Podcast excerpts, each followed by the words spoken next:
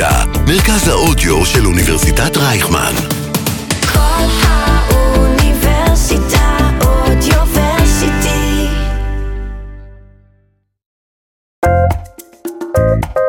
אקדמיקס. אקדמיה בגובה העיניים. עם יוסי מצרי. שלום לכולם וברוכים הבאים לעוד פרק של אקדמיקס כאן בכל האוניברסיטה.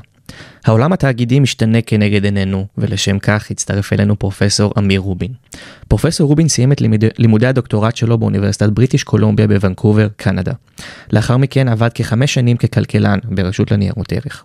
תחום המחקר המרכזי של פרופסור רובין הוא מימון חברות, אך הוא עושה גם רבות באחריות סביבתית של תאגיד. ניתן לחלק את תחומי מחקריו לארבעה חלקים. סביבת המידע של חברות, אחריות סביבתית, כישורים של מנהלים ואנליסטים בשוק הפיננסים, וניגודי עניינים בהליך קבלת ההחלטות בחברות ובתהליכים חברתיים. שלום פרופסור רובין ותודה רבה שהצטרפת אלינו היום. שלום וברכה. אז בעצם בשביל להתחיל לגעת בכל העולם הזה, השאלה הכי בסיסית אולי, מה הקשר בין מימון לכלכלה? בסדר, אני אנסה קצת אה, לתת, כי באמת אה, בציבור הרחב לפחות, הנושא של... אה, אנשים לא יודעים כל כך, אני אגיד לך, אפילו אני עד אה, תואר שני אה, לא הבנתי, והמציאות היא שמימון זה תת-תחום בכלכלה. רוב אנשי המימון הם למעשה כלכלנים, ופשוט מאוד, אה, בית ספר למינהל עסקים זה בעצם בית ספר מקצועי, שיש בו קצת פסיכולוגיה, קצת אה, משאבי אנוש, נכון? שיווק זה גם סוג של פסיכולוגיה, אפשר להגיד. אסטרטגיה, יש בזה אלמנטים של כלכלה. ומימון זה ממש, אה, כל האנשי המימון הם למעשה כלכלנים. אז הדרך אולי הכי טובה להציג את זה, זה בכלל להבין את הרקע ההיסטורי. אז אפשר להגיד שבגדול העולם עד המאה ה-17-18 בכלל לא ידע בכלל מה זה בכלל המושג של צמיחה כלכלית. רואים את זה הרבה דרך אגב בסרטים ה, של ה... אתה יודע, הסרטים של המלכים מימי הביניים, ולפני כן הדרך היחידה ליצור אושר היה ללכת למלחמה. ולכבוש ולגנוב, את הצד השני. לכבוש את הצד השני, ורואים הרבה פעמים שאז מה עושים? זה אוספים מיסים ועושים הרבה משתים. הרעיון של להשקיע אפילו, כדי ליצור צמיחה ולשפר את איכות החיים, לא היה. בדרך כלל אם השקיעו במשהו זה היה בצבא. בקטע הזה קצת התפתחו. אבל בגדול, בן אדם שהיה הולך לישון, נגיד, ב... בימי הרומאים, והיה מתעורר ב-1500, היה אומר, מה קרה לעולם? הוא אפילו לא השתפר, אולי אפילו קצת... הוא הלך אחורה. הוא הלך אחורה. כמובן שהכל השתנה עם המהפכה התעשייתית, אבל למעשה זה התחיל עוד די קודם עם המהפכה המדעית, שבעצם אה, התחילו לייצר אה, כל מיני רעיונות אה, שמשפרים את איכות החיים עם המנוע קיטור והדברים האלה, והיה צריך לגייס אה, הון. הרעיון הזה, שוב, תחשוב, אם היית נולד במאה ה-14 והיה לך איזשהו רעיון, מה היית עושה עם זה? שום דבר. לא היית יכול לעשות. המוח האנושי למעשה לא היה בשימוש כמעט. אפילו אם היה לך רעיון לאיזושהי מכונה, או נגיד לאיזה פרסה לסוס, היית יכול אולי ללכת למלך, שיממן לך את זה, אבל כמה בעצם היה להם נגישות לזה? מעטים מאוד, וגם המלך לא היה מתלהב מהרעיון הזה. אבל כמובן שהכל השתנה עם הנושא של המהפכה המדעית והצורך להקים מפעלים, ופתאום היה הצורך אה, בהון. עכשיו, מימון בגדול אפשר להגיד שמתעסק בצמיחה כלכלית. הרעיון של עולם המימון זה איך בעצם חברות אמורות לקבל החלטה שתמקסם להם את הרווח. גם לזה, דרך אגב, צריך להבין מה בדיוק מתכוונים לזה, אבל כדי למקסם את הרווח, והמטרה כדי, בסופו של דבר, כדי להביא לצמיחה כלכלית.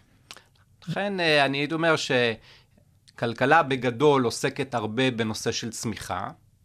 למה דרך אגב? שוב, הדבר היחידי שאם היית שואל את כל אזרחי מדינת ישראל על מה הם מסכימים, זה שמדינת ישראל תהיה יותר עשירה. בכל דבר אחר... כנראה שיש מחלוקת. כנראה שיש מחלוקת. האם לצאת מהשטחים, לא לצאת מהשטחים, כל השאלות הפוליטיות האלה, אפילו לאיך לחלק את ההכנסה. כל הדברים האלה יהיה מחלוקת, אבל שמדינת ישראל תצמח ויהיה לה התל"ג לנפש, מה שאנחנו, ככה אנחנו מודדים את זה, יגדל, קשה להגיד אה, דבר נגד זה. האם במהלך ההיסטוריה, כשכל הדברים האלה קרו, עם, אה, בין עם המהפכה המדעית, בין עם המהפכה התעשייתית, זה היה משהו, למישהו נפל האסימון והתהליך הזה הובל על ידי אנשים מסוימים, או שפשוט הייתה עוד אופציה לצבור כסף, ואנשים ניסו, ניסו לצבור כסף, וככה זה התגלגל? תראה, זה קשה קצת, זה, ברור שהתהליכים הם דינמיים. ניסיתי באמת לברר מתי, למשל, אתה דיברת, אם מדברים על החברה, אז יש עדויות שהיו חברות כבר במאה ה-14, כן? היה, אני חושב, בוונציה, אבל זה לא בדיוק אותו הדבר כמו שהיום, וגם החברה, המהפכה אולי אפשר להגיד עם הנושא של החברה בעם, כן? זה דבר שהתחיל בתחילת המאה ה-19 ברוב המדינות. וזה נוצר מהצורך שאפשר להגיד, הבסיסי, הוא שבעצם זה ששם את הכסף בחברה, הוא לא זה שמנהל את החברה. קוראים לזה, קוראים לזה separation of ownership and control.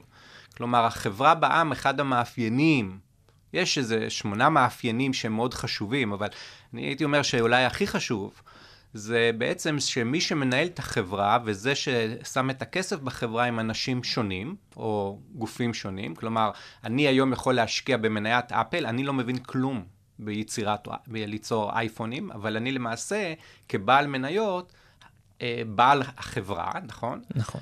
ומי שמנהל אותה זה מישהו מקצועי שמבין במחשבים והוא מקבל שכר והוא למעשה עובד שלי.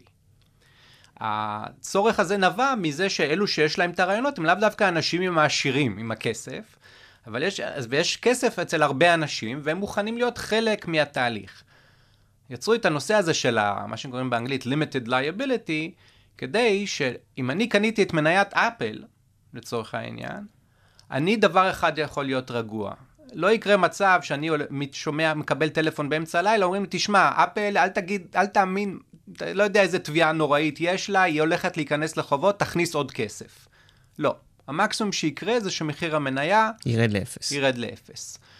כלומר, יש מגבלה שלא יכולים להיכנס לנכסים האישיים שלי. וזה דבר מאוד מאוד חשוב כדי שאנשים ישימו כסף. הם מוכנים לקחת את הסיכון, אבל הם יודעים, זהו, זה המקסימום. אני השקעתי, אני מקווה שזה ירוויח, אבל אני יותר מזה לא מפסיד, לא, לא ירדו לנכסים שלי. אז בעצם זה מוביל אותי לשאלה שאולי ככה, אם התחלנו את הדיון אז נרחיב את זה, מהו בעצם תאגיד? זאת אומרת, מתי זה התחיל, איך זה התחיל, ואת הצורך פחות או יותר הבנו כבר עכשיו. אז תראה, התאגיד זה בעצם התחברות של מספר אנשים או גופים, ביחד ליצור ארגון שמטרתו לייצר משהו, מתוך מטרה לעשות בדרך כלל רווח. כן? לאו דווקא, כן? יש שם כמובן תאגידים לא למטרת רווח, אבל התאגיד הרגיל שאנחנו מכירים בחברה הקפיטליסטית נגיד, זה, זה, התאג, זה היצור שבני אדם המציאו, אם אפשר להגיד את זה ככה, כדי uh, לייצר פעילות כלכלית. עכשיו, יש הרבה סיבות למה אני צריך ליצור אותו, אבל הדבר הבסיסי זה שאמרנו, ההפרדה הזאת היא בין ניהול לבין uh, בעלות, היכולת לגייס הון. Uh, אנחנו, יש פה כמובן יתרון לגודל, כלומר, הרבה אנשים ביחד רוצים לייצר משהו, כל אחד בנפרד, אם היינו צריכים איכשהו לתאם בינינו, זה היה בעיה, בתוך ארגון אנחנו יכולים לעשות את זה. אמ, דבר נוסף זה שיש אה, כמובן מבחינה חוקית, זה, אתה וזה בטח מכיר אפילו בתור משפטן יותר, תאגיד הוא אדם בעיני החוק, כלומר אפשר לתבוע את התאגיד, אם קורה משהו במסעדה שלי אז תוגבים את המסעדה, לא אותי. אה, תשים לב שיש תחומים שאי אפשר לעשות את זה, עורכי דין למשל לא יכולים להתאגד בתאגיד, או רואי חשבון גם כן, גם רופאים לא, כי בגדול הם לא יכולים לנתק את עצמם מאחריות. אם אני ניתחתי מישהו והייתה נכון. פשלה, יש לי אחריות. אמ, רואי חשבון כנ"ל, וגם עורכי דין. אמ, והדבר הבסיסי, זה, אבל הדבר הבסיסי זה כמובן היכולת לגייס הון. היכולת לגייס הון זה דבר מאוד מאוד קריטי, כי היום זה עולה הרבה כסף כדי לבוא עם רעיונות חדשים, ו... בלי היצור הזה של התאגיד לא היינו יכולים. יש כמובן הבדל בין תאגיד פרטי לתאגיד, יש תאגיד פרטי, יש תאגיד ציבורי ויש תאגיד ממשלתי דרך אגב גם. אז תאגיד פרטי הוא באמת אה, בדרך כלל משפחה, או בדרך כלל, זה במדינות שונות אחרת, אבל זה מוגדר לכמות מסוימת של אנשים, בדרך כלל עד, אה, לפי דעתי, 200. אה, זה, או, זה ממש, זאת אומרת, בדרך כלל יותר, בעצם אני לא יודע אם זה מוגבל היום כבר ב-200, פעם זה היה ככה, אבל ב, בכל מקרה, הניירות ערך שלו הם לא גנריים, כלומר, אם אני בעל תאגיד פרטים למכור, אני צריך למצוא בן אדם עשיר מאוד שיכול לקנות את זה. לעומת זה, כמובן, התאגידים שאנחנו שומעים עליהם כל הזמן, זה תאגידים שנסחרים בבורסות. שהם לה- בעצם תאגידים ציבוריים. הם, זה תאגיד uh, ציבורי, זה חברה ציבורית, ויחד עם זה שהם, uh, נסח... בגלל שהם נסחרים, אז uh, נורא קל למכור ולקנות מניות. למעשה כל יום יש מסחר אדיר, התאגיד לא צד לעניין.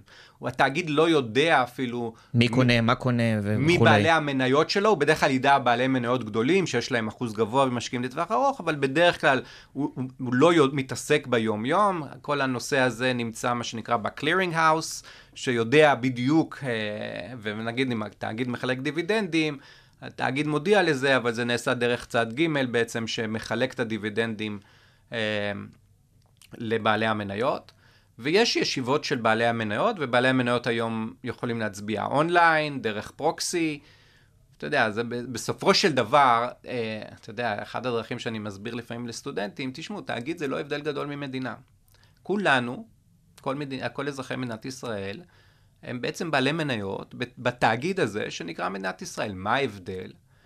בדמוקרטיות אה, ליברליות, לפחות עד היום, כל בן אדם יש לו כל קול אחד- כל אחד בלי, ושווה. קשר, בלי קשר ל- ל- ל- למי הוא וכמה חכם הוא. ו, אה, אתה יודע, זה גם כן לא היה תמיד, כלומר, פעם נשים לא הצביעו, אז למעשה הם לא היו בעלות בתאגיד. בארצות הברית, השחורים לא יכלו להצביע, לא הצביעו למעשה בפועל עד שנות ה-60, למרות שהיה להם זכות כביכול, אבל לא נתנו להם. אז כאילו, הדברים האלה, גם בדמוקרטיה, מש... זה, זה דברים משתנים, אבל לכולנו, בעצם, ברגע שנולדנו בישראל, אז יש לנו בעצם... אה, בעלות- מניות בתאגיד שנקרא ישראל. נכון. ובעולם, דמיוני אולי, אבל שלא היו מלחמות ולא היו, אה, אה, לא, לא היו חיכוכים בין מדינות שונות, היית יכול לחשוב על זה שאם נולדת בישראל, אז בעצם יש לך מזל. קיבלת אינדאומנט, מה שנקרא ירושה לא רעה, כי ישראל היא בין המדינות העשירות יחסית, כן? היא בשלושים המובילות. ולכן, אה, אם היית מאוד רוצה, למה שהמניה הזאת לא תיסחר? היית יכול למכור את האזרחות שלך, תקבל כסף, לעבור לתאילנד. ושם זול, היית קונה בעלות, אבל כמובן היית במדינה יותר מפוגרת, אבל היית עשיר שם. כלומר, אם זו הייתה העדפה שלך, בעצם מה היה מונע ממך לעשות את זה, כן? אה, כמובן שזה לא אפשרי, בעיקר בגלל שיש תרבויות שונות, ואנחנו, אולי זה דבר שאפשר עוד אלף שנה, אולי נג, העולם יתאחד, הרי יש מגמה של uh, פחות מלחמות, בסופו של דבר, אם מסתכלים כן. כסדרה איטית. אבל אז בגדול, ההבדל בין תאגיד רגיל לבין אה, ראש ממשלה, זה שראש הממשלה אמור להתעסק במקסום הצמיחה של המדינה שלו, כי זה שוב, הדבר היחידי שכולנו נסכים עליו. ומנכ"ל מנסה למקסם את ערך החברה שלו, שבעלי המניות יהיו מה שיותר מרוצים. כי מה בעל מניות רוצה? שמחיר המניה שלו יעלה. מחיר מניה עולה, בגדול, זה יכול להיות רק אם החברה, התזרימי כספים שלה ומה שהיא מייצרת שווים יותר ויותר ערך, לפחות לפי איך שהשוק מעריך את זה. אז בעצם, אם אנחנו ננסה להכניס טיפה יותר מימון לעניין הזה, וקצת הזכרנו מדינות, אז איך שיטה כלכלית של כל מדינה משפיעה על גיוס ההון אה, של תאגידים באותה מדינה? לדוגמה, ניקח את זה לקיצון, ארה"ב מדינה מאוד קפיטליסט, קפיטליסטית, וברית המועצות עליה השלום, מדינה סוציאליסטית שואפת להיות קומוניסטית. עכשיו, איך הגישה הכלכלית של כל מדינה משפיעה על הגיוס הון בחברות שמתקיימות באותה מדינה? אוקיי, okay, קודם כל, אז בוא, בוא שיהיה ברור, היום, איך שאני רואה את זה, כל המדינות הן קפיטליסטיות, חוץ מצפון קוריאה וונצואלה אולי, כן? וצפון קוריאה אנחנו לא כל כך מבינים בדיוק איך הדברים מתנהלים שם, אבל בוא אני אסביר מה אני, איך אני בכלל רואה את המילה קפיטליסטית, כי זה גם כן, משתמשים בזה לפעמים אה, בהרבה צורות, אבל הצורה שאני אומר, אה, שאני חושב עליה, זה בצורה הבאה. השאלה היא מי מקבל החלטות בעסק. בעולם קפיטליסטי, בעלי המניות מקבלים את ההחלטות. שים לב למה, אני, למה, אני, למה זה מאוד חשוב. קח למשל תאגיד כמו אפל. מה אפל עושה? מייצרת מחשבים, אבל בגדול אפשר לחשוב על זה כמכונה שמייצרת כסף. היא אמורה לקבל כסף ולייצר יותר. אבל הרבה אנשים עם כובעים שונים, אם נחשוב על בן אדם, יש לו הרבה כובעים, אבל מקבלים משהו מאפל. העובדים מרוויחים שכר, המנהלים הם גם כן עובדים, אה, הספקים של אפל מקבלים כסף, העובדים, מקב... אה, סליחה, בעלי המניות מקבלים, בעלי החוב, המדינה מקבלת כסף דרך מיסים, ולמשל אפל שנמצאת בקופרטינו, הרבה מהמבני ציבור בקופרטינו הם גם כן נתרמו על ידי אפל, זה מאוד מקובל היום, אולי נגיע לזה, לנושא ש, שדואגים לסביבה. לסביבה. ולמה? בגלל שהעובדים שלהם שם, ההנהלה שלהם שם, והם רוצים יחסי, יחסים טובים עם העירייה, אז הם מוכנים לתת, אה, לתרום את הספרייה. עכשיו, אם כולם מקבלים משהו מאפל, למה בעלי המניות הם מקבלים את ההחלטה? תשים לב, זה לא היה ברור. ברית המועצות הייתה בנויה על זה שזה לא טוב שבעלי המניות. ואני אתן לך את ה... ואפילו אפשר אה, לתת לזה רציונל. תחשוב למשל, אני עובד באפל, יש לי ילד נכה, אני בן 55, ואפל מחליטה, בעלי המניות מחליטים להעביר את, את המבנים של אפל למיאמי, כי יותר זול שם, והנדלן יותר זול, והם יוכלו לעשות יותר הרבה כסף. אבל אני לא יכול לעבוד, ואני השקעתי 30 שנה באפל. לי אין זכות הצבעה תחת, בגלל שאני עובד, תחת הכובע של העובד. יכול להיות שקניתי מניות, אבל אני בכוונה עושה את ההפרדה. בעלי המניות, אמיר רובין, שחי בישראל, קנה כמה מניות, הוא מצביע על ההחלטה הזאת. אבל העובד לא. עכשיו השאל, הרבה חשבו שזה לא הוגן. עושקים את העובדים, העובדים לא מחליטים. אז הגישה הקפיטליסטית אומרת לא, זה דבר נכון. והסיבה לזה, יש uh, גישה פילוסופית, וקוראת לזה, קוראים לזה, בעלי המניות הם ה-residual claimants. הם האחרונים בתור. הם ה- היחידים שאין חוזה שמבטיח שהם יקבלו משהו בכלל. הם מקבלים את הכסף אחרי ששילמו לעובדים, אחרי ששילמו לספקים, אחרי ששילמו את המיסים, אחרי שנוצר רווח נקי, זה הם... שלהם, אבל זה האחרונים. והגישה הזאת היא שבגלל שהם האחרונים, הם צריכים לדאוג שכולם יהיו מבסוטים. אם יש שביתה והעובדים לא יהיו מבסוטים, הם, זה גם דופק אותם. כלומר, בסופו של דבר, בגלל שהם האחרונים בתור, הם דואגים שהמערכת תהיה יעילה. כמובן שאתה יכול לחשוב, אם אני עובד בחברה, אני פשוט מאוד מחליט, יאללה. נצא הרבה חופש, אני, אני זה שמחליט. נקבל שכר גבוה, לא יישאר שום דבר לאלו ששמו את ההון. כלומר, יש בזה המון היגיון. אתה, אני תמיד נותן את האנלוגיה שאתה נמצא ב, בשדה תעופה, ויש דלפק אחד פתוח, ואתה מגיע ואתה רואה שיש 30 אנשים לפניך, ואתה מאוד בלחוץ אם תגיע לטיסה. אז אם מישהו לפניך לא זז קדימה, כי הוא מדבר, אז אתה אומר לו, תזוז, תזוז קדימה, כדי שאף אחד לא ייכנס. אבל מישהו מאחוריך רב, זה לא מעניין אותך. מה שמעניין אותך זה מי שלפניך, כדי בג... שאתה תקבל משהו. או בגדול תמריצים. זה תמריץ. זה תמריץ, אה, זה, זה תמריץ מאוד חשוב, וההיסטוריה לפחות הוכיחה שאם בעלי המניות לא מקבלים את ההחלטה הזאת, וזה איכשהו מבוזר, ודרך אגב, הגישה האירופית היא קצת בכיוון הזה. הם עדיין חברות קפיטליסטיות, אבל נותנים יותר לעובדים לפעמים אה, מקום במועצת המנהלים, או דברים כאלה, קוראים לזה civil law מול common law, אולי אתה בתור משפטן מכיר. אז הגישה של המדינות דוברות האנגלית, שאנחנו גם, כן, מדינת ישראל היא גם כזאת, זה של ה-common law, ושם יש יותר חשיבות ל-shareholders rights, מאשר ב-civil law, שזו גישה שהגיעה מהשיטה הצרפתית של נפוליאון, ששם יש uh, יותר להגיע להחלטות תוך קונסנזוס. עדיין זו אותה שיטה, עדיין כל החברות, בעלי המניות, הם אלו שהם בעצם הבעלים, כן? אבל uh, יש יותר uh, נטייה uh, לבזר את זה. דרך אגב, זה גם משפיע במידה מסוימת על איך הם uh, ממומנים. כאן, בגרמניה זה הרבה, יש הרבה פחות uh, חברות יש הרבה יותר חברות פרטיות, והרבה יותר זה ממומן על ידי חוב. זו, זו בדיוק הייתה השאלה הבאה שלי. כן. זאת אומרת, האם השיטות האלה השפיעו על צורת המימון של חברות באותן מדינות? אז כן, אז בגדול ידוע שהחברות שהן, אה, דוב- המדינות שהן דוברות האנגלית, שהן common law, אז הבורסות הרבה יותר מפותחות. אם אתה מסתכל על ארה"ב, על אה, קנדה, בריטניה, כל אלו שהגיעו מהדוברי האנגלית, כן? מהאימפריה הבריטית, אז הבורסות הן יותר מפותחות מאשר ב, ב, במדינות האחרות. אה, אז כן, אז זה השפיע. אבל אה, אתה יודע, אני, אני, לא, אני לא כלכלן היסטורי כדי להגיד לך כמה זה משמעותי היום, בגלל שבסוף יש, רואים איזושהי התכנסות של כל העולם לדברים אה, דומים. במובן הזה ש... אה, אם אתה שואל אותי, האם החברות השוודיות לעומת החברות האמריקאיות מתעסקות יותר באיכות הסביבה והדברים האלה, אז אה, זה לא כל כך ברור. הדברים האלה, יש הם אמצעים גם לפה וגם לשם. כי העניין בסופו של דבר, שבעלי המניות הם אנשים. כן? זה, זה דרך אגב אה, דבר שגם כן הוא חשוב להבין. הרי בסופו של דבר, אם אתה רואה סרטים מתחילת המאה, אתה רואה כאילו מתחילת המאה ה-20, כן? שיש הרבה מאבקים בין ההנהלה לבין העובדים, אז אתה אומר, בעצם ה... יש, נוצרה איזה מין תמונה שהתאגידים הם רעים ועושים רע, ולאנשים אה, שאוכפת נלחמים בתאגידים.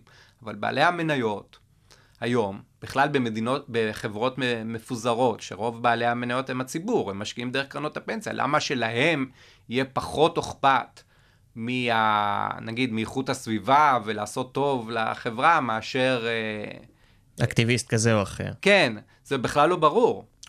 אה, רוב החברות המצליחות היום הן מאוד פעילות, כי... ויש על זה ויכוח, האם זה, קוראים לזה uh, green washing, האם הן עושות את זה רק בתור marketing, או באמת אכפת להם. והטענה שאם הן באמת מראות שאכפת להם, הציבור מעריך את זה מאוד. תראה, סטארבקס, זו חברה שמוכרת את הקפה ביוקר, אתה משלם הרבה לקפה, אבל אנשים קונים, כי הם מרגישים עם זה טוב. כמובן שזה חלק מזה, זה שגם נחמד לשבת בבתי קפה שלהם. אבל ברגע שלציבור אכפת, לחברה, בהגדרה, אם רוצ... אם אכפת לה מרווח, אז חייב גם, לה- להיות... גם חייב לה, כאילו היא גם חייבת להיות אכפת לה. חייבת להיות אכפת, כי קודם כל זה גם מגיע מהצד של תזרים המזומנים, הלקוחות לא יקנו מתאגיד שעושה רע, יש אפשר לעשות חרם, חברה מתנהגת לא יפה, לא קונים אצלה, לא צריך אפילו לעשות חרם, הציבור בעצמו אומר, אני לא רוצה לקנות בחברה הזאת כי היא עשתה ככה וככה. ויש את הצד השני של המשקיעים, המשקיעים לא משקיעים בחברה הזאת, בשני הדברים האלה החברה נפגעת, מחיר המניה נפגע.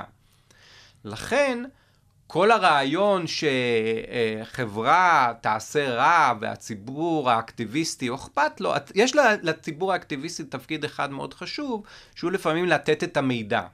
הוא בעצם סוג של מוביל דעת קהל, זאת אומרת הוא חושף את המידע לאנשים שככה הם מגבשים. שוב, גם בקטע הזה אתה יכול להגיד, יש גופים שהמטרה שלהם, למשל רשות ניירות ערך, כן? יש גופים שהמטרה שלהם לתת ויותר את כל המידע לציבור. כן, הרי דיברנו על חברה ציבורית לעומת פרטית, אחד הדברים העיקריים של חברה ציבורית זה שהיא חייבת לצאת בדוחות כספיים ודוחות מיידיים וכולי. ולכן אה, כאשר הדברים נהיים חשובים, אז הרשות בעצמה אה, יוצאת עם חוות דעת, ש- שכדאי לתת גילוי. היום בארצות הברית יש נטייה לתת יותר ויותר גילוי, למשל, על השכר של העובדים, לא רק של ההנהלה. הנהלה זה כבר שנים, אבל עכשיו יש יותר ויותר כדי ליצור חברה יותר שוויונית, כי אחד הדברים שאנחנו רואים ב-20 שנה האחרונות, זאת אומרת שפערים גדלים, הרבה בגלל הנושא של קדמה וטכנולוגיה. היום יש הרבה יותר אה, אה, חשיבות לנושא של הון אנושי, לעומת התאגיד של פעם. אז אה, כל הדברים האלה הם מאוד דינמיים, ו... ובגדול אה, החברה, אתה יודע, מדברים על ה... החברה היום, כן? החברות היום. בגדול, אין סיבה רצינית לחשוב שאכפת להם מכל הדברים האלה פחות מאשר אה, למדינה. אני חושב גם ש- המדינה בנויה מפוליטיקאים, מאנשים עם דעות שונות, ולא ברור שבעל המניות היום, בעל המניות היום של חברת אפל, אכפת לו מכל הנושא הזה של אה, התחממות גלובלית והתייחסות לעובדים וזה, פחות מאשר נגיד, אה, אתה יודע, דונלד טראמפ, כן? זה לא, זה לא דבר מופרך, כן? אמ, אז ננסה בעצם לשלב את הדיון שעשינו גם מקודם על ההשוואה בין תאגיד למדינה, על איך שתאגיד אה, מתנהל. ואני באמת חושב שזה כמו באמת כמו פוליטיקאים, עניין של תמריצים, זאת אומרת, אם לקהל שלי אכפת, אז גם לי יהיה אכפת. אמ, ואיך באמת דברים כאלה הובילו לשינוי באיך תאגיד מתנהל. זאת אומרת, ב, כמו שסיפרת לפני כמה דקות, על השיתוף שכר של המנהלים ושל הדירקטוריון וכולי. איך קבלת החלטות בתאגיד נראית היום לעומת פעם, ולמה זה השתנה? תראה, זה, זה השתנה בגלל ש... קודם כל, זה, היו כמה דברים שקרו. קודם כל, רוב האנשים לפני 50 שנה, אכפת היה להם לגמור, רמת החיים הייתה יותר נמוכה, אנשים התעסקו בלקבל את המשכורת שלהם, לחיות איכשהו טוב, ולא התעסקו בדברים, לא ידעו גם כל כך, כן? יש לי את, ה, את הנושא הזה של uh, כמה חשוב להבין שמידע שלא היה קיים הוא מאוד מאוד משמעותי. היה פעם מקרה של חברה בארץ, לא משנה, שעסקה בייצור נשק, נגיד, ב, אני חושב שזה היה במלחמת השחרור, כן? וזה היה באזור, אה, באזור דרום תל אביב. וגילו זיהום בשנות ה-90, גילו שהקרקע מאוד מזוהמת, ואז uh, המשרד לאיכות הסביבה תבע אותה. ועשו אפילו חקר שגרו שמחירי הבתים ברגע שזה, הם מאוד ירדו, ובעצם באו בטענות שהחברה צריכה... להשלים את ההפרש. עכשיו אני אומר, האם זה בכלל הוגן? נתחיל מה, בתור משפטן. החברה הזאת אה, באה, נשלחה על ידי בן גוריון לייצר נשק, לפני שבכלל ידעו על נושא של זיהום קרקע והמשמעויות של זה, היא לא עשתה את זה דווקא בכוונה, כן? היה עניינים אחרים אז, להקים מדינה. אז כמובן שזה בכלל לא ריאלי. עכשיו, גם כשמדינה מסתכלת ואומרת, מחירי הדיור ירדו, אוקיי, מי נפגע? נפגע מי שגר באזור, כן? יכול להיות שאם מישהו בקרוב נפגע, בשיווי משקל, אנחנו ככלכלנים מבינים שאנשים אחרים הרוויחו, כי אנשים יעברו למקומות האחרים בתל אביב, כן? אז אולי צריך פשוט מאוד לעשות פה שינוי מיסויי מסוים בעיר, כדי להבין, אוקיי, האלו נפגעו והם קנו את הקרקע ולא ידעו. שנית, תשמע, חיים הם בעלי, אתה קונה נכס, אחר כך מגיעה אינפורמציה, לפעמים אתה מרוויח ומפסיד. זה לא ברור שבכלל צריך להתעסק עם הדברים האלה, כי אין אה, הוגנות מלאה, כן? אז כל הדבר, ובאים ומפעילים בסוף את האשמה על צד אחד. זה הרבה פעמים, דרך אגב, ארגונים אה, מחפשים את האשם. את האשם. אבל לפעמים הדבר, המציאות היא הרבה הרבה יותר מורכבת. ולכן אני חושב שבגדול הדבר היפה בעולם הכלכלי זה שיש כל הזמן הבנה של קונפליקטים שונים שמנסים לפתור. דרך אגב, זה אחד הדברים, לפי דעתי, שאני התעסקתי בו הרבה, דרך אגב, בדוקטורט שלי, זה דבר שהוא מאוד מאוד בסיסי בעולם המימון. אחד הדברים הבסיסיים במימון זה שאתה לא משקיע במניה בודדת, אתה משקיע בסל של מניות. למה? כי המון, היתרון של הפיזור, כן? המון סיכון ניתן לפזר כמו חברת ביטוח. אם אתה לצורך העניין קונה רק חברה אחת, נגיד קולה, אז אם קולה תרוויח, תרוויח, היא תפסיד, תפסיד.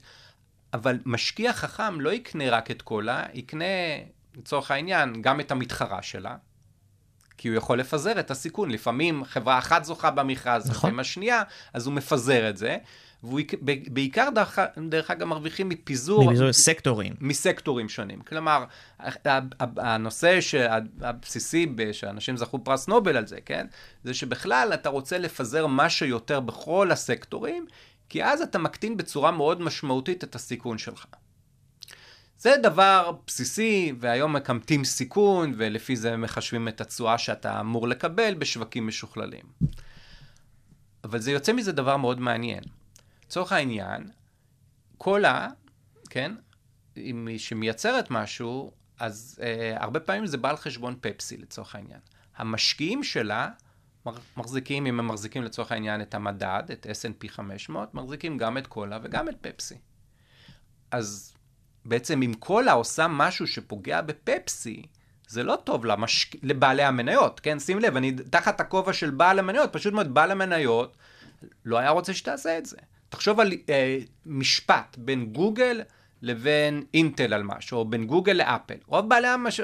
מחזיקים גם את זה וגם את זה. גם את זה ואת זה. והרבה פעמים הם אומרים, אל תלכו למשפט, ת, תטילו מטבע. מי שינצח במטבע, עדיף לי מאשר תשלמו לעורכי דין וכל מיני גורמים פרטיים שאני מפסיד מזה כסף. עכשיו, אה, זה באמת עושה את זה מאוד מאוד מעניין, כי הרבה מהקונפליקטים בין נגיד בעלי, נגיד, נגיד ביל גייטס, הוא לא מפוזר, הוא משקיע ברוב ההון שלו במייקרוסופט, מה לעשות. ואז לא תמיד כל מה שהוא יעשה זה טוב לבעלי המניות האחרים שהם מפוזרים. לפעמים הוא ישתלט על חברה אחרת כדי להקטין תחרות, אבל החברה האחרת יוצרת רווחיות לבעלי המניות האחרים, לא לא. מבין? עכשיו תחשוב על חברת תרופות. מה המטרה של חברת תרופות? אם אני אהיה בתור משקיע בהרבה חברות תרופות, אני רוצה שימצאו את התרופה לסרטן. לא בתור לקוח, לא בתור חולה, בתור משקיע. למה אם ימצאו תרופה לסרטן, לצורך העניין הלבלב, החברה המון הזאת, כסף. כן, המון מ-0 כסף. ל... הסיכוי הוא מאוד קטן, אבל אני משקיע בהמון חברות, ואני מבין שאחת ל... מספיק שאחת תפגע ואני מכסה את אחת הכל. מתוך מאה תפגע, ואני מכסה את הכל. אבל האם המנכ"ל של החברה ייקח את הסיכון הזה? לא, הוא מפחד. הוא, התמריצים שלו זה בחברה שלו, ככה זה. ואם החברה תפשוט את הרגל, הוא יפסיד יפסיד את העבודה. ולכן הם בדרך כלל יצרו עוד אדוויל, עוד טיילנול, דברים שהם יודעים את הגודל השוק, והם גונבים חלק מהשוק. אז איך אתה מתמרץ בצורה כזאת? בדירקטוריון שיש בו אנשים מהמוסדיים, הם מבינים את העניינים האלה, והם לוקחים את זה בחשבון. הם רוצים הרבה יותר סיכון מאשר עובדים, תשים לב, עובדים, והדברים האלה יוצרים אה, דינמיקה מאוד מעניינת בקבלת ההחלטות בתאגידים. אה, ותשים לב שאחד הדברים שאני הייתי ברשות ניירות ערך, אבל בשנות ה-90 הייתה, היו תהליכים של הפרטה. כי הגיעו למסקנה שהדבר האחרון שהמדינה צריכה לעשות זה לנהל תאגידים, בגלל שתהליך קבלת ההחלטות הוא לא טוב. פה מתעסקים באמת באיך אני יוצר ערך, איך אני יוצר מוצרים שיביאו כסף, מגדיל את השוק. לא, לא, ולא מערבים דברים שהם לא קשורים לעניין. אתה צריך לחשוב די, די לעומק. למה בעצם מדינה צריכה לשלוט על תאגיד? כן? למה? אז תחשוב על זה, אין, אה, בגלל זה עשו המון המון הפרטות, המון תאגידים, אין לזה הצדקה. בדרך כלל הטענה העיקרית זה בדרך כלל שיש להם עוד מטרות סוציאליות שהן לאו דווקא ערך. שזה, האמת, נגיע לנושא הזה בהפוכה בסוף. כן. כי למה, עם העלייה של האכפתיות של חברות ממה שקורה סביבן, אבל השאלה שלי, האם אתה יכול, או מצאנו דרכים לתמרץ דירקטוריון, חברי דירקטוריון, מקבלי החלטות, מצד אחד לקחת יותר סיכון, ומצד שני להגיד להם, אם קורה משהו, אתם באיזשהו מקום, אם אתם מוכיחים, אני יודע, שכר הוגן, קבלת החלטות הוגנת, אה, רציונל מסוים, אתם פטורים מאשמה. העיקר, תנו לנו את הסיכוי להרוויח יותר. אז בגר... בוא, תראה, בדירקטוריונים יש להם, הם בדרך כלל הם לא, על החלטות עסקיות הם לא אשמים, הם רק אחראים, רק אם הם עושים משהו שהוא בניגוד לנו, אה, לאתיקה, לניהול, לניהול התאגיד. אה, תשים לב, ד- דבר שאולי לא, לא דיברנו, יש תמריצים בתוך המערכת הקפיטליסטית של השווקים לחברה למקסם את הערך שלה. למקסם את הערך, רק שתבין, מה זה מחיר מניה? מחיר מניה בגדול זה מה שאנשים חושבים שהחברה שווה. אבל בצורה הפשוטה שבה אנחנו מלמדים, זה אומרים, אוקיי, מנסים לנבא את התזרימים העתידיים ומהוונים אותם להיום, לא לוקחים בחשבון מה הסיכון, אוקיי? מה הסיכון של התזרים, כי אנחנו לא יודעים כמה היא תייצר, אבל יש לנו איזושהי ציפיות, ולפי זה מה קובעים את הערך של החברה. עכשיו, אם המחיר של המניה עולה, זאת אומרת שיש משום מה ציפיות שהחברה תייצר יותר כסף. בדרך כלל מסתכלים למשל על דוחות כספיים, חברה פתאום הפתיעה בדוחות הכספיים, לעומת מה שהאנליסטים חשבו, פתאום. פתאום נתנה- המחיר עולה למעלה. פתאום, אז בבת אחת בדרך כלל המחיר יעלה למעלה. עכשיו, אה, אתה יכול להגיד שלמנהלים דווקא, לא תמיד אכפת בכלל מערך מניה, מה אכפת לו? הוא מקבל משכורת, הוא אכפת לו, דרך אגב, למנהל, הרבה, הוא לא מכיר את בעלי המניות, אז הרבה יותר יהיה אכפת לו, לצורך העניין, מהמזכירה שלו ומהעובדים שהוא רואה ביום-יום ואוכל איתם צהריים, מאשר בעלי המניות. נשמע כאילו התמריץ שלו זה לשמור על העסק, נכון. יותר מאשר... לשמור על העסק, הרבה פעמים זה גם אנשים, במיוחד בתאגידים גדולים, שהם הולכים אחר כך לפוליטיקה, והאנשים האלה הולכים יחד איתם, אז למה לא לשלם להם משכורת טובה למזכירה? שיהיה לה משכורת טובה, תהיה מבסוטה, יהיה לי נחמד איתה, היא תהיה מבסוטה, אני אהיה מבסוט, כן? זה לא כסף שלי, אני רק עובד. אז בגדול, אבל כמובן, אה, השווקים, למשל בשווקים משוכללים כמו בארצות הברית, אז דבר ראשון, זה דבר, הקונפליקט הזה הוא מאוד מאוד ידוע. דרך אגב, גם המשבר הפיננסי, שאתה, אם אתה עוד היית ילד, אבל ב-2007-2008, הטענה הייתה שזה היה נגוע בקונפליקטים, כי מה שקורה זה שהרבה חברות שידעו שהן במצוקה, לקחו את כל העובדים לדיסני וורד ולטיולים, לפני שיהיה את המכה. ושיקרה היו מבסוטים. הבעלי המניות לא הרוויחו, החברות נ- נעלמו, כל ההון נעלם, כן? חלק מהם הולאמו, אז בעלי המניות נשארו עם אפס. מי שלא התנהג, הקונפליקט היה לטובת העובדים נגד בעלי המניות. לפעמים מציגים את זה היה כ... זה היה מצחיק. אומרים סוף הקפיטליזם, ואמרו לא, ההפך. לא היה מספיק, כי הרבה מהניירות ערך האלו לא נסחרו, לא ידעו מה השווי שלהם. אם הם היו נסחרים, אז, אז המחיר היה איכשהו מתגלה, היה מגולם, היו יודעים שהם בצרות. אז בגדול, אבל המערכת באופן כללי היא בנויה ככה שאם החב... המנהל לא ממקסם ערך, אז דרך של אחת למנוע את זה, זה אומרים, אוקיי, נותנים לו פשוט מאוד שכר במניות או באופציות, כן? לצורך העניין, אה, סטיבן ג'ובס בזמנו היה אומר, אני לא מקבל שכר מהחברה, תנו לי רק מניות באפל. ברגע שהוא עושה את זה, אז מה הוא אומר? הוא אומר, אני... אני השכר- איתכם, אני- אני איתכם, אני בעל מניות. אם החברה, אני כל כך, וזה גם אומר עוד דבר, אני כל כך מאמין בחברה, שאל תיתנו לי כלום, אני יודע שהיא תצליח. אז, ודרך אגב, אני חושב שהחבר'ה של גוגל, אותו הדבר, הם מקבלים דולר אחד, כי לפי חוקי המס חייבים משהו. פרט לזה, הם מקבלים איזושהי אה, הקצבה של מניות שנתי. גד, גדול, הם, אז זה מראה ביטחון. לא כולם עושים את זה כמובן, אבל אה, יש הרבה חברות שהולכות בכיוון הזה. דבר נוסף, אם המנהל לא ממקסם את הערך, לצורך העניין, החברה יכולה להיות 100 דולר אם היא פועלת טוב, אבל אם פועלת בצורה לא יעילה, משח... משלמת שכר גבוה לעובדים וכולי, המחיר הוא 70 דולר. יש תמיד תמריץ למישהו להשתלט על החברה, לעשות אותה טוב יותר, להחליף את ההנהלה, ואז המחיר עולה. יש, כן, קוראים לזה raiders, כן? כלומר, כל, בגלל שהחברות נסחרות, ניתן להשתלט עליהן על ידי קניית, זה לא כל כך פשוט כמובן. דבר שלישי זה מועצת המנהלים, שזה כמו הכנסת, כן? זה הממונה על ידי בעלי המניות, והם אמורים לדאוג להקטין את ניגוד העניינים ולעשות, לקבל החלטות חשובות לטובת בעלי המניות. זה שלושת המנגנונים העיקריים ש... שמתנהלים. בתאגיד רגיל. ו... תראה, המציאות היא שהחברות, המדינות שבכל העולם הפך להיות פחות או יותר קפיטליסטית, לכולם יש, אה, ברוב המדינות יש אה, בורסות פעילות, ובסופו של דבר, אה, בינתיים עוד לא מצאנו שיטה יותר טובה. כמו, ש... כן. כמו שאומרים על דמוקרטיה, כאילו שיטה טובה, דרך אגב, ויש דמוק... יש, יש פגמים אבל לא מצאנו משהו יותר, כרגע זה הדבר הכי טוב שיש לנו. דרך אגב, דמוקרטיה הולך באמת יחד עם השיטה הזאת בצורה הכי טובה, כי הדבר הבסיסי, שוב, זה שהזכויות של בעלי המניות, כן?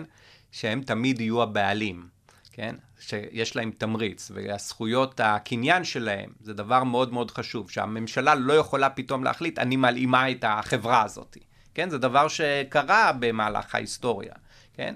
שמחליטים, טוב, זה הם לא מתנהגים טוב לעובדים וזה, אנחנו מלאימים אותם, אחרי המדינה יכולה לחוקק חוקים. אז ה... בחברה, אה, אתה יודע, בכלל בח... בח... בדמוקרטיות, בעיקרון היו אומרים שדבר כזה אה, לא כל כך ניתן לבצע. אז כן? בעצם דיברנו, אני אעשה שנייה מוב קצר ל... עדיין לתחום המימון. דיברנו בעיקר על מניות, אבל יש עוד מסלול מאוד מאוד רציני של מימון שהוא נקרא אג"ח, אגרות חוב. כן. עכשיו, אה, כמו שציינת מקודם, בעלי המניות הם סוג של דואגים שכולם יהיו מבסוטים ולוקחים אחרונים. אה, בעלי האג"ח, אגרות החוב, הם אלה שמקבלים ראשונים, נכון? מה ההבדל בעצם בין מקב- אג"ח הם לבין לא מניות? מקבלים ראשונים, הם, העובדים מקבלים קודם לפי דעתי, כן? קודם אסור הלנת שכר, אבל אגרות חוב מקבלות, מקבלים את הכסף לפני בעלי מניות. בגלל ש... דרך אגב, אגרות חוב זה דבר גם כן מעניין קצת. חברה יכולה להנפיק אגרות חוב והיא יכולה ללכת לבנק, אין הבדל מהותי. אגרות חוב זה פשוט מאוד הציבור הרחב, ובנק בדרך כלל, ובדרך כלל ברגע שאתה מנפיק אגרת חוב אתה משלם ריבית קצת יותר נמוכה, כי הבנקים נהנים קצת מהמרווח. אמ, שים לב ששוק אגרות חוב הרבה יותר גדול, כי מדינות גם מנפיקות אגרות חוב. הרי מדינה יכולה להנפיק, לממן את עצמה בשני דרכים, או על ידי אגרות חוב, או על ידי מיסים. בשוטף זה מיסים, אבל זה לא מספיק, אז גם מממנים באגרות חוב, ובעצם זה בעצם הלוואה מהציבור שצריכים להחזיר בעתיד. זה יכול להיות הלוואה מאזרחים בארץ, זה יכול להיות הלוואה מאזרחים בחו"ל, וזה, כל המדינות מממנות את עצמן בצורה כזאת, כי בעצם ילד קטן שעכשיו מתחיל, הוא כבר מקבל משהו מהמדינה, הולך לגן, יש לו כבישים, אז למרות, זה לא ברור שהוא לא צריך לשלם על זה באיזשהו שלב, אפשר להסתכל על זה ככה. אז יש איזושהי העברה בין-דורית על ידי אה, איגרות חוב. לכן אבל שוק איגרות החוב הרבה יותר גדול, כי מדינה לא יכולה להנפיק מניות, כי דיברנו על זה. אני בעל מניות. הם לא... דרך אגב, ברמה הפילוסופית, מדינות עושות את זה. כלומר, אם אתה, יש לך מיליון דולר ואתה רוצה לעבור לקנדה, רוב הסיכויים שתקבל אזרחות. וואו, טוב לדעת. כן, אם יש לך הון, הון ואתה מסוים. תרצים זה, הם ייתנו לך את התהליך, אבל אתה יודע, מדינות מוכנות, ישראל היא מיוחדת, שהיא נותנת בעל, את ה...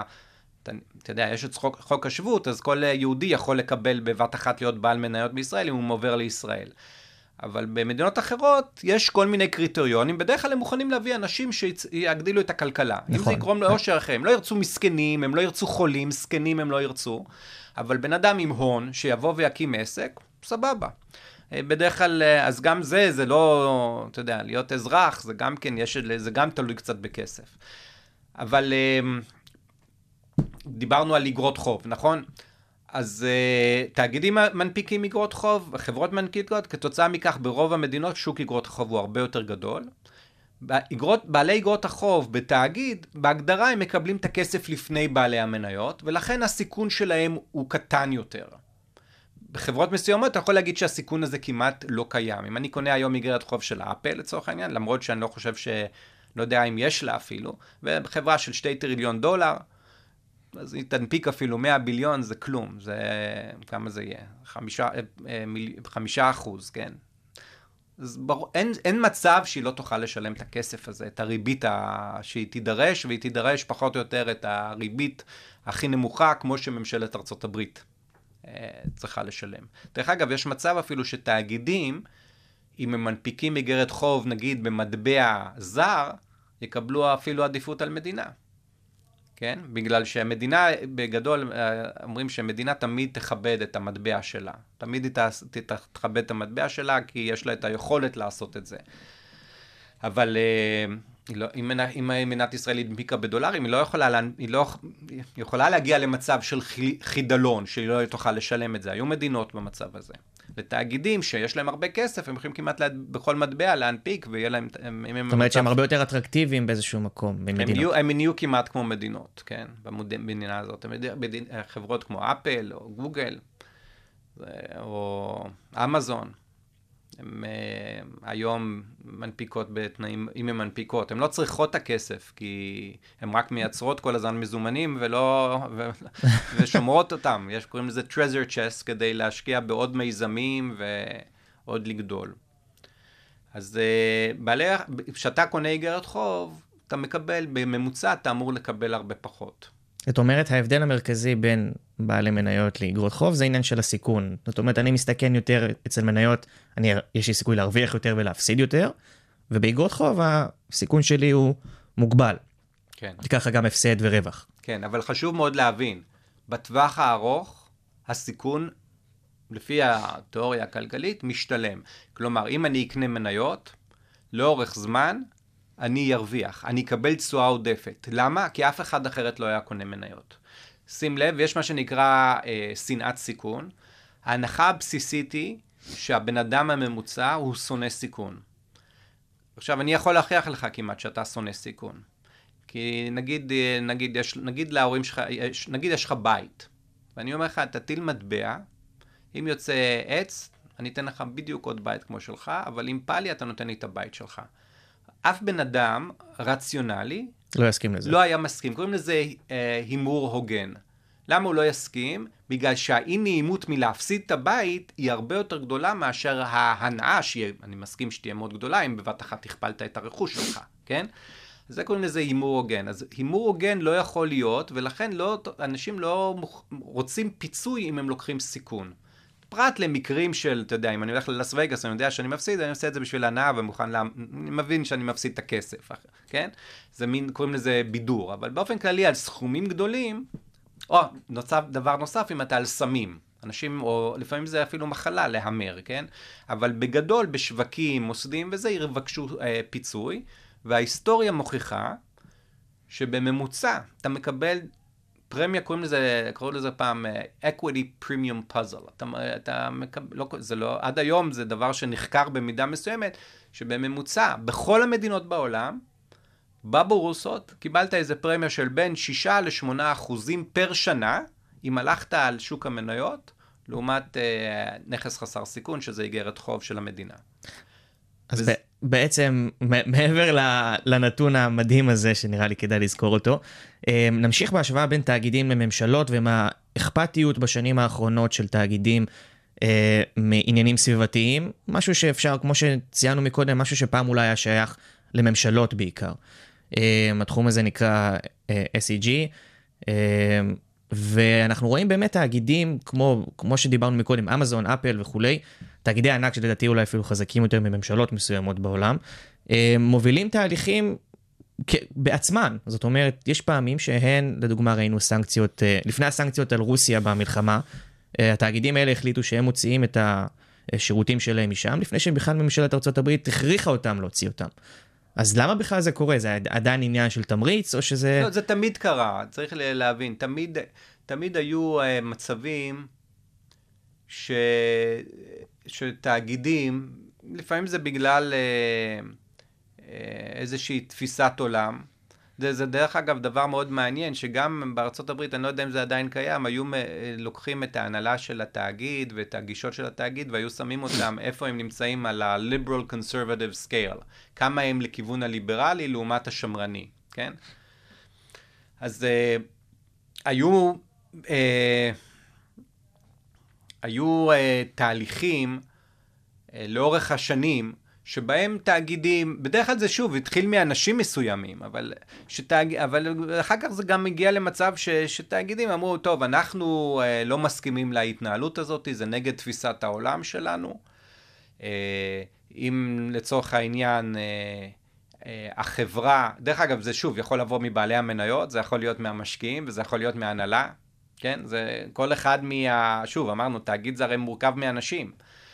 ואז הם מחליטים שהם, אה, נגיד, לצורך העניין, מה שאמרת, נגיד שטוויטר לא נתנו. בהתחלה לטראמפ, ועכשיו בא אילן מאסק ואומר שהוא ייתן לכולם, בגלל שהגישה שלו זה שגם uh, הדעות הכי לא מקובלות, צריך, זה חופש, אתה יודע, ה-first amendment בארצות הברית, או ה-second amendment של חופש הדיבור, נכון? זה דבר מעל הכל. אז זה uh, תמיד היה קיים. Uh, תראה, יש על זה ויכוח מאוד רציני באמת, ש... השאלה אם תאגיד לא חוטא למטרתו המרכזית שהיא להשיא רווחים, כשהוא מתעסק בעניינים לא, לא לא. לא, בגלל שהוא הוא תמיד, קודם כל, זה בדיוק העניין. אם הוא למטרת, אתן לך, אני אתן לך דוגמאות, כי קצת עסקתי במחקר, וזה דר- דרש ממנו קצת להבין את, ה, את הניגודי עניינים שקיימים בתאגיד. באופן כללי, אם התאגיד, אכפת ל- ללקוחות של, הת, של התאגיד, או אכפת לבעלי המניות, אז במידה מסוימת אתה מבין שזה משפיע בסופו של דבר על הערך של התאגיד. נכון. אז, אז הוא, אם הוא לא מתעסק עם זה, הוא פושע, כן? כן, בגדול אתה יכול להגיד שאפילו אסונות מאוד גדולים, כמו אקסון ולדז, זה היה מקרה שהיה באלסקה, שמכלית אה, נפגעה ופגעה בכל ה... אה, כל ההביטט, כלומר כל הבעלי חיים שם, זו הייתה תקופה נוראית. כל אלסקה זה אזור מקסים, עם המון אה, כלבי ים וזה, והייתה מכלית שפשוט מאוד בלילה אחד... אה, הרסה שמורת טבע שלמה. הרסה את כל האזור, זה היה מאות מיילים. עכשיו, תגיד, אקסון הרוויחה מזה? ברור שלא. כאילו, הרפיוטיישן, הם היו צריכים להשקיע מיליונים כדי לשפר את הרפיוטיישן שלהם ולעשות את הכל כדי להציל. עכשיו, אני מניח שלאנשים באקסון באמת כאב הלב, קראו את התמונות האלה, כאב להם הלב, אני מניח. לא עשו את זה בכוונה, ומן הסתם, לתאגיד יש את כל ה... בגדול את כל האינסנטיב, כל ה... תמריצים. תמריצים כדי לשמור על שדברים כאלה לא יקרו. וההפך, אם הוא מתעלם מהם ואחר כך יוצא שהוא לא פעל מספיק מהר, זה מאוד מאוד יפגע בו. אז קודם, כל הדברים האלה כן קשורים לרווח. ההפך, צריך לחשוב על מצבים שהם עושים מעבר לזה, כן? זאת השאלה. האם לפעמים הם משקיעים יותר וזה פוגע בערך? וגם לזה אני יכול להראות לך שלמשל, אתן לך דוגמה, חברת דיסני. חברת דיסני היא חברה שידוע דווקא שמאוד אה, ליברלית. אה, לצורך העניין, עכשיו יש ויכוח, דרך אגב, רציני בפלורידה. בפלורידה עם דה סנטיס. עם דה סנטס, נכון, לגבי הנושא הזה, ש- שהם מקדמים את כל הנושא הזה של, הלא... של הקהילה. להט"ב. בדיוק, את הקהילה שזה, וזה קצת שונה ממה שהיה פעם, והם אומרים, אנחנו זורמים עם הזמן. עכשיו, אה, יכול להיות שלהנהלה של אה, דיסני אה, אכפת מהערכים האלה. יכול להיות שאכפת לה, יכול להיות שאפילו לבעלי המניות אכפת, כי בגדול יכול להיות שהרבה בעלי מניות של דיסני הם ליברליים, ויכול להיות שלמעצם מנהלים אכפת, ויכול להיות שאפילו לעובדים אכפת. והם אה, מוכנים אה, לשלם מחיר, שמחיר המניה ירד, כי הם חושבים שמבחינה סוציאלית אה, זה נכון. אז האם זה רע או טוב? יכול להיות שתראה, אם מספיק לבעלי המניות יהיה אכפת, אז מישהו ישתלט על החברה, וכמו שאמרנו, יעיף. אבל יכול להיות שלציבור הגדול, הרחב, דווקא מבסוט מהערכים הליברליים. ולכן, כן, הוא לא ישנה את זה, וההפך, יש לך פה מקרה שדווקא בגלל uh, שציבור מסוים, אומרים שאם בעלי, המנ...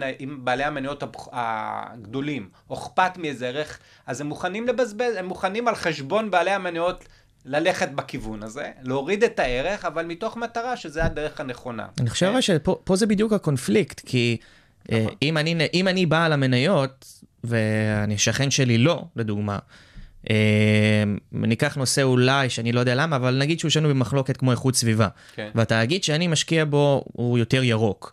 אבל uh, אני, אני, יש לי כסף שם, והשכן שלי לא. Uh, והמנכ"ל החליט שהוא במדיניות, לא יודע, בעד, נגד איכות הסביבה, לא משנה, הפוך ממני. כן. Uh, אז זה טוב אולי לסביבה הרחבה, זה טוב גם לשכנים שלי, אבל בסופו של דבר רק לי אכפת, אמ- כי אני מפסיד כסף. נכון. לתפיסת תפיסת דעתי. כן, כן ולא, שבגדול, תשמע, יש, יש דינמיקה מסוימת, כן? הרבה פעמים גם אה, חוקים שמגיעים באים כדי לפתור עוולות. הרי בהתחלה אנחנו מבינים, דיברנו על זה בתחילת המאה ה-20, לא התייחסו יפה לעובדים, ואז הגיעו חוקי הגנת העובד, שחייבים לשלם לו איזשהו שכר מינימום, אי אפשר לפטר אותו כל כך בקלות וכולי, וזה היה לטובת העובדים. החב... ובסופו של דבר, גם חברות מתנהגות היום הרבה יותר טוב לעובדים מאשר לפני 100 שנה. אז יש איזושהי דינמיקה, כן? עכשיו, אה, אם אתה מדבר על, עליי, אמר, דיברנו על המשקיע, המשקיע הוא בגדול מפוזר. תחשוב על החברה שמזהמת את הנהר, אני גם מחזיק, ואם אתה משקיע מפוזר, אתה מחזיק גם את חברה שמייצ... שדג הדגים, כן? במורד הנהר. אז דווקא אם החברה לא תתעסק רק ברווח שלה, ותימנע מלזהם את הנהר, ברור שזה טוב. עכשיו, יש פה גם השפעה שלילית. אנחנו יודעים שהרבה יותר טוב לא לזהם מלכתחילה מאשר לזהם ואז לנקות, נכון? ש... הרי הייתה הגישה פעם של מילטון פרידמן שעדיף שהחברה תייצר רק כסף ושבעלי המניות יעשו מה שהם רוצים עם הכסף. אכפת להם מאיכות הסביבה שישקיעו. אבל זה לא עובד בדיוק ככה. כי עדיף שה... שהחברה מלכתחילה יש לה יתרון בלנסות לא לזהם מאשר לתת לי כסף שאני אחר כך ינקה. תחשוב על חברת מייקרוסופט, יש לה יתרון במחשבים. יכול להיות שזה בהחלט בסדר שהעובדים של מייקרוסופט ילכו לכל מיני קהילות וילמדו מחשבים אה, אופיס, לא יודע. מאשר שהכסף יגיע למדינה, ואז המדינה תחליט להקצות אותו. לחברות יש יתרון יחסי בלפתור הרבה מעוולות החברה בצורה יותר טובה אולי מהמדינה. ולכן זה לא כל כך ברור שזה לא בסדר שחברות לוקחות על עצמם כל מיני ערכים כאלה. כמובן במידה מסוימת, כדי לא לפגוע בבעלי המניות יותר מדי. תראה, יש עכשיו גם, דרך אגב, מושג של uh, השקעת אימפקט, בטח שמעת על זה, שזה בכלל uh, אנשים שאומרים שמלכתחילה המטרה שלנו זה לא רק להתעסק ברווחיות, אלא ליצור אימפקט על החברה.